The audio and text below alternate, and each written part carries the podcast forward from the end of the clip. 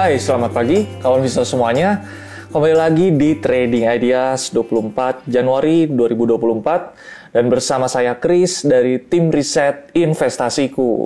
Oke, senang sekali ya kembali lagi bisa berjumpa sama kawan Visto untuk kita bisa hari ini membahas market dan juga memberikan sedikit ya pencerahan untuk apa yang akan terjadi dan prospek yang akan terjadi di masa depan ya khususnya pada awal bulan ini ya. Terkait memang temanya tidak terlepas dari masih hangatnya topik dari suku bunga Amerika Serikat ya yang nanti akan kita breakdown lebih lanjut tapi sebelum itu pastikan Anda stay sampai selesai karena kita akan ada sesi tanya jawab sekaligus ada 5 stock pick di hari ini untuk bisa Anda nikmati menjadi watchlist trading di hari ini. Baik, tanpa perlu berlama lagi kita masuk terlebih dahulu ke dalam indeks global. Kita lihat di sini indeks global ditutup cukup variatif di mana Dow Jones ditutup minus atau di zona merah sendirian ya dari tiga indeks lainnya yaitu Nasdaq dan S&P 500 yang tentunya kedua indeks ini ya ditutup di zona positif. Dan kalau kita lihat ada beberapa sentimen yang perlu kita cermati dan banyak data yang akan keluar dari Amerika Serikat di hari ini. Dan tentunya ya kita bisa cermati lebih lanjut lagi supaya kita bisa nanti ya, melihat pemilihan saham yang sesuai dengan sektor yang sedang naik panggung. Baik, kita masuk ya. Kita lihat ke Wall Street, kenapa ditutup variatif? Ternyata memang Wall Street ini kalau dilihat beberapa akhir ini ditutup ya eh, di level tertinggi khususnya S&P 500 jadi di sini S&P 500 mencatat rekor penutupan tertinggi tiga hari terakhir. Ya, karena memang investor ini mencerna laporan pendapatan kuartalan dari emiten ya atau bank-bank dan beberapa uh, laporan perusahaan yang besar ya dari sektor khususnya di sini teknologi juga ya. Jadi kita bisa perhatikan dan nanti akan tetap ada rilis data untuk dari sektor tech yang memang ditunggu oleh para investor karena ini berkaitan dengan tema besar yaitu suku bunga yang nanti akan ada dampaknya pada sektor teknologi. Itu uh, Kenapa Wall Street kita lihat variatif ya?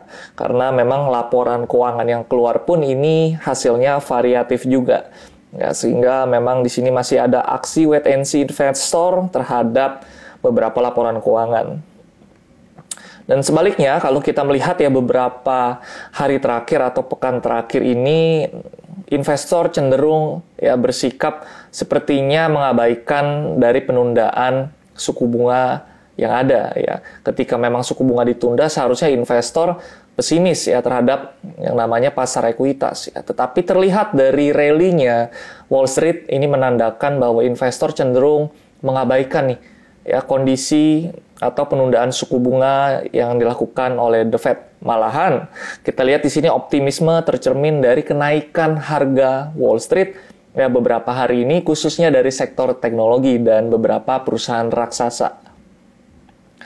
Dan juga kita melihat ya di minggu ini, khususnya pekan ini memang investor cenderung fokus terhadap laporan kuartal 4 2023 yang akan keluar selain daripada di sini ada untuk indeks harga produsen, lalu S&P PMI dan juga laporan pertumbuhan ekonomi. Jadi di pekan ini akan rilis data-data tersebut dari Amerika Serikat.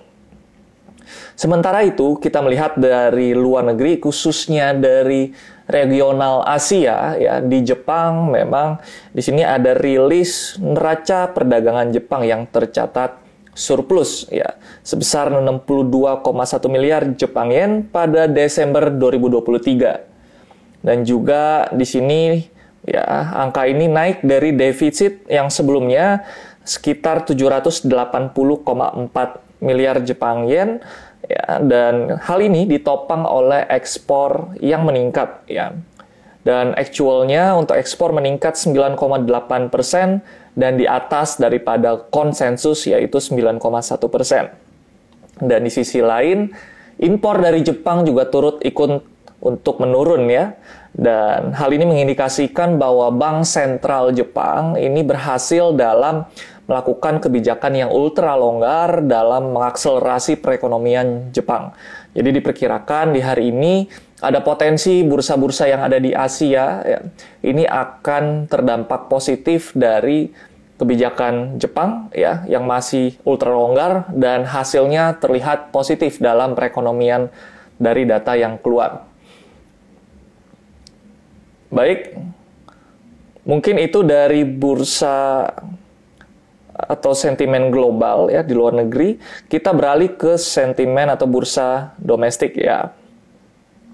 Di sini bursa domestik kita lihat IHSG ditutup memang di zona hijau ya, sekitar 0,11 persen ke 7.256 dan kita lihat untuk top gainernya ya di sini untuk top gainer memang IHSG relatif ya kita lihat di sini di, di, uh, diperkuat oleh sektor basic industry dan juga sektor infrastruktur yang menguat kurang lebih 0,48 persen dan juga infrastruktur yang menguat 0,12 persen. Di mana di sini yang menjadi top losersnya adalah dari sektor transportasi yang melemah sekitar 1,92 persen Ya, lalu properti yang melemah sekitar 1,21 persen, disusul oleh sektor industrial. Ya. Oke, dan kalau kita perhatikan lagi, ya di sini memang menarik ya untuk apa yang memang terjadi di market. Memang tema besarnya kita lihat masih berkaitan dengan suku bunga dan tidak lupa juga di sini ya kenapa IHSG sempat menguat 0,11 persen, padahal sempat pada perdagangan kemarin ditutup uh, bergerak ya sepanjang hari ini di zona negatif. Ya. Jadi memang fluktuasinya besar ya, dan ini dipengaruhi oleh beberapa sentimen khususnya dari eksternal ya. Memang untuk sentimen dalam negeri ini pada kemarin uh, sepi ya. Jadi memang pergerakan IHSG dipengaruhi oleh sentimen dari global ya pada penutupan kemarin kita melihat di sini khususnya dari China dan juga Jepang. Ya kalau untuk Jepang tadi kita tidak lupa ya bahwa pertahanan ya atau uh, suku bunga yang longgar dari Jepang ini mempengaruhi Indonesia karena memang Jepang ini ya, menurut BPS, merupakan salah satu dari 10 negara penyumbang surplus terbesar dari neraca perdagangan Indonesia. Sehingga ini akan berpotensi positif mempengaruhi gerak bursa. Dan di sisi lain, kita tidak lupa juga ada dari China nih, yang memang menjadi mitra dagang utama Indonesia yang kalau kita perhatikan di sini investor domestik mencermati komitmen pihak berwenang China yang akan melakukan stabilisasi terhadap penurunan dari indeksnya melalui bursa Hong Kong. Ya, mereka akan istilahnya seperti memberikan stimulus dengan cara melakukan pembelian saham ya di mungkin di kisaran angka 2 triliun yuan ya. Dan memang ini bisa menjadi katalis yang positif bagi bursa domestik karena memang ketika komitmen para pihak berwenang di situ di China ya ini terlihat kita lihat akan berdampak positif bagi bursa domestiknya ya maka sedikit banyaknya pasti akan berdampak ya kepada Indonesia apalagi yang memang notabene Indonesia sebagai mitra dagang utama. Jadi kita bisa cermati ya hal ini lebih lanjut lagi dan nanti sektor-sektor apa yang mempengaruhi akan kita lihat ya, kawan Visto. Oke. Dan hari ini ya, kita lihat di chart untuk proyeksi di hari ini ya. Jadi proyeksinya IHSG masih akan berpotensi untuk bergerak menguat dalam pola konsolidasi karena beberapa sentimen yang baik nih dari eksternal ya dan kita lihat IHSG memiliki area support 7152 ya. Ini support dan resistennya tidak berubah ya sebenarnya. Uh, kami berikan outlook karena bergerak tidak melalui garis support dan resisten dari proyeksi hari sebelumnya dari kami. Ya, resisten ada di 7277. Itu dari IHSG di hari ini. Ya. Kita masuk ke dalam sesi tanya jawab sekaligus saya akan memberikan stock pick. Jadi silakan bagi Anda yang memiliki pertanyaan, drop pertanyaan Anda semua di kolom komentar. Nanti akan saya bantu untuk analisakan. Baik, dan sebelumnya, sebelum kita mulai, sebelumnya ini sifatnya disclaimer on ya untuk pertanyaan dan rekomendasi ini, karena segala keuntungan dan kerugian yang kawan Visto alami ketika mengambil keputusan setelah menonton Trading Ideas ini menjadi tanggung jawab kawan Visto seluruhnya. Karena di sini ini hanyalah berupa outlook dan menjadi second opinion dan bisa aja untuk outlook dan rekomendasi ini tidak valid ketika harga stop loss atau let's say harga take profitnya sudah kena ya atau area support, area resistennya sudah kena. Karena ketika sudah kena otomatis harus dianalisakan ulang. Tetapi memang ketika belum kena area support atau resisten maka masih bisa dikatakan valid. Tentunya dengan memperhatikan risk profile masing-masing dan jangan lupa untuk tetap pasang sabuk pengaman ya, seperti stop loss yang lebih ketat ketika market sedang fluktuatif. Kita masuk aja langsung ke rekomendasi pertama.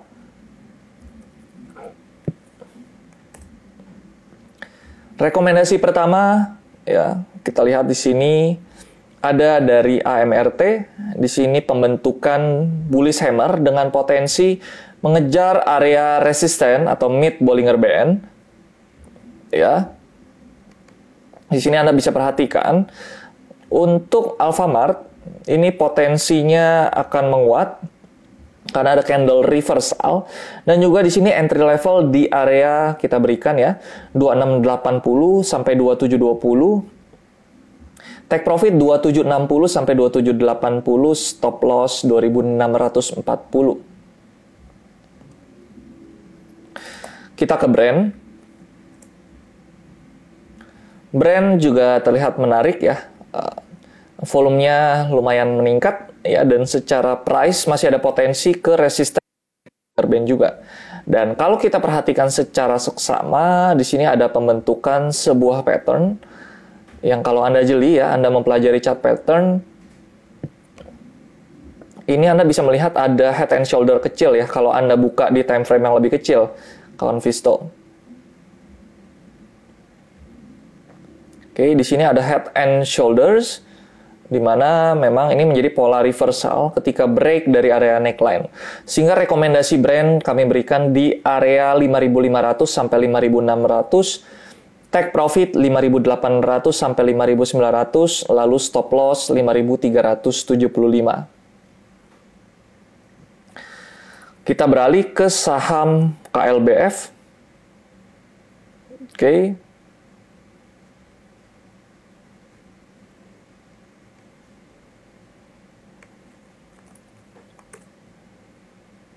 Ya ini adalah rekomendasi kami yang ketiga.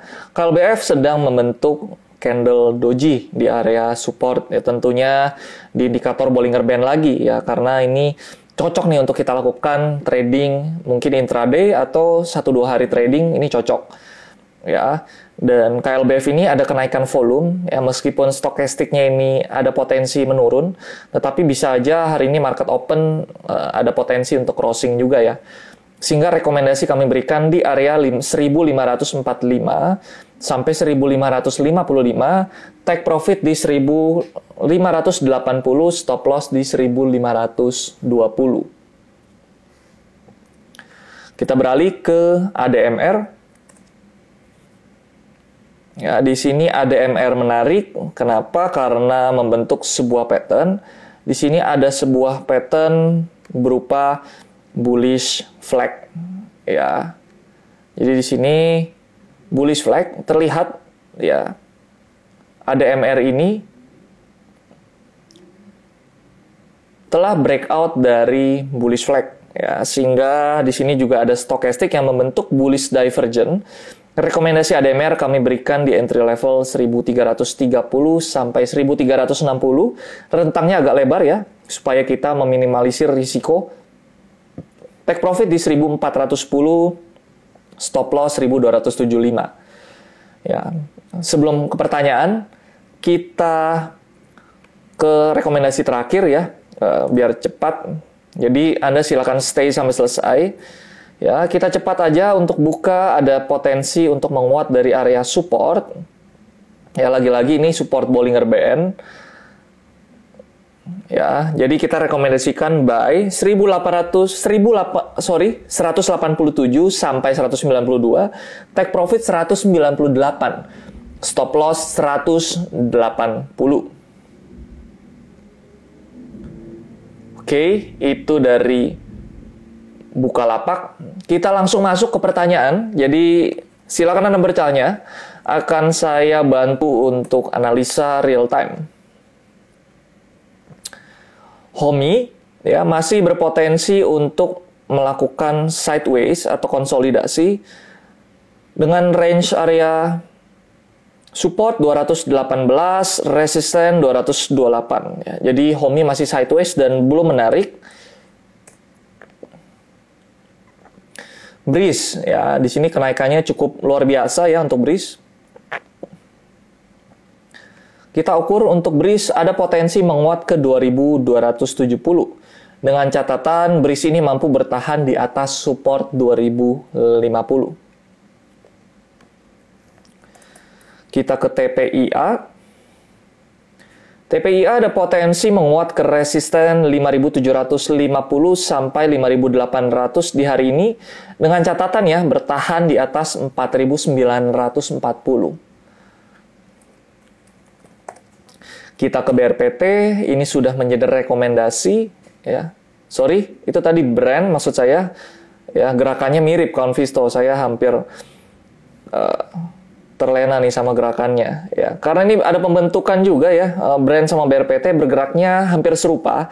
Uh, masih bagus ya untuk pergerakannya ada potensi ke 1160 dengan resisten sorry dengan support di area 1070 ya BRPT berpotensi untuk menguat karya tersebut. Baik, kita ke ULTJ. ULTJ berpotensi membentuk gerakan primary movement setelah menguji area support yang sebelumnya merupakan resisten ya. Kalau Anda perhatikan di sini ini adalah area resisten yang saat ini menjadi area support ketika Ultra Jaya breakout dia turun lalu dia menguji lalu dia naik lagi. Ya mohon maaf ini saya coba untuk berikan warna hitam mungkin biar lebih jelas. Oke. Okay. ya jadi seperti ini ya. Harga breakout dari area resisten sebelumnya jadi ini merupakan area resisten become support. Ya ketika di breakout dan diuji kembali dan terlihat ada rejection atau penguatan atau mungkin kawan Visto kenalnya dengan nama rebound ya. Ini ada penguatan lagi dengan potensi mengejar resisten terdekat di 1790 selama mampu bertahan di atas 1730 ya, area supportnya. Kita ke GZCO ya, GZCO di sini ya telah break dari area resisten ya dan potensinya ya menguji 137 untuk hari ini. Ya, kalau 137 tembus ada potensi ke 146. Support yang harus dipertahankan di area 131 itu untuk GZCO. Baik, kita ke saham baby ya, multi trend Indo ya di sini terlihat harga naik signifikan ya. Dan hati-hati kawan Visto ini sudah di area resisten, ya, penguatan terbatas ke 236. Dengan catatan, mampu bertahan di atas support 220. Ya, jadi likuiditasnya ini agak uh, dipertanyakan ya, karena tiba-tiba volumenya tinggi seperti itu dan Anda harus pasang sabuk pengaman lebih kencang lagi ya untuk uh, area cut profit atau cut loss-nya. Baik, kita lihat ke saham berikutnya ada dari Telkom Telkom belum menarik, masih konsolidasi range harian 3910 dengan resisten 4030. Jadi akan bergerak dalam range tersebut. Adaro terlihat telah break dari area support. Berbeda gerakannya dengan ADMR ya. Jadi di sini sudah break area support dan potensinya akan melemah. Ya, ketika tidak mampu menembus area 2370, maka potensi untuk Adaro ini melemah ke area support berikutnya di sekitar oke okay, 2330 itu area support kuat dari Adaro. Nah, untuk saat ini masih kita hindari dulu. Kita ke Akra ya, Akra berada di resisten upper Bollinger Band ya dan Anda bagi yang sudah beli dari area bawah mungkin 1500-an anda hold ya dan Anda bisa pertimbangkan cut profit ketika turun di bawah 1630. Ya, bagi yang sudah cuan ya, tetapi bagi Anda yang masih floating loss ya Anda bisa pasang sabuk pengaman ya karena ada area support kuat di 1630.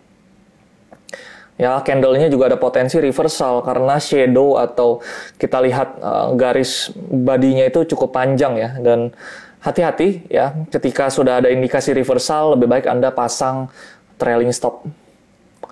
Oke, kita ke cegas. Cegas ya, oke. Ya, ada potensi untuk melemah ke support berikutnya di sekitar 492. Ya, ketika tidak mampu menembus 650. Baik, pertanyaan sudah saya bahas semua. Dan sedikit informasi buat Anda, kita akan ada EduFest ya, uh, yang akan tayang seminggu sekali dan kita sudah ada kurang lebih uh, kalau nggak salah tiga episode ya, uh, dan Anda bisa nikmati video EduFest itu di YouTube Investasiku ya dengan cara Anda nanti buka channel YouTube investasiku dan di situ Anda lihat untuk EduFest ya. Di kita akan ada uh, edukasi berupa analisis teknikal dan fundamental yang tentunya Anda dapat nikmati. Dan kalau Anda ada pertanyaan, Anda silakan join grup WhatsApp yang ada di uh, QR di video YouTube tersebut atau ada di link di deskripsi. Dan sekali lagi, kalau Anda kepo ya dengan apa aja sih keuntungan transaksi di investasiku, silakan Anda klik ya uh, link yang ada di IG kita ya di investasiku.id di situ akan ada keuntungan-keuntungan dan Anda mendapatkan penjelasan mengenai keuntungan bertransaksi di investasiku. Dan yang paling penting adalah setiap kali Anda transaksi Anda akan dapat poin di mana poin tersebut Anda bisa tukarkan atau redemption ke dalam pembelian reksadana dan juga Anda bisa menggunakan poin tersebut untuk bertransaksi di seluruh Merchant City Corp. Contohnya Baskin Robin, Wendy's, Transmart, Coffee Bean, Transmart dan lain-lain sebagainya. Dan di sini semakin Anda uh, bertransaksi, maka semakin cuan. Ya, untuk informasinya itu aja. Kita masuk ke dalam pertanyaannya lagi. Oke. Oke. Oke. Adaro tadi sudah dibahas ya, akan ada potensi penurunan sampai 2330 ya. Lalu untuk PGEO, potensinya masih bergerak sideways di antara 1235 sampai dengan 1280 untuk hari ini. Mungkin itu aja untuk trading ideas hari ini ya. Terima kasih untuk perhatiannya dan Anda silakan nikmati konten-konten kami baik di IG kita atau TikTok kita agar Anda tidak ketinggalan konten terupdate seputar saham. Akhir kata saya Chris pamit undur diri dari tim riset investasiku, investasiku for better tomorrow.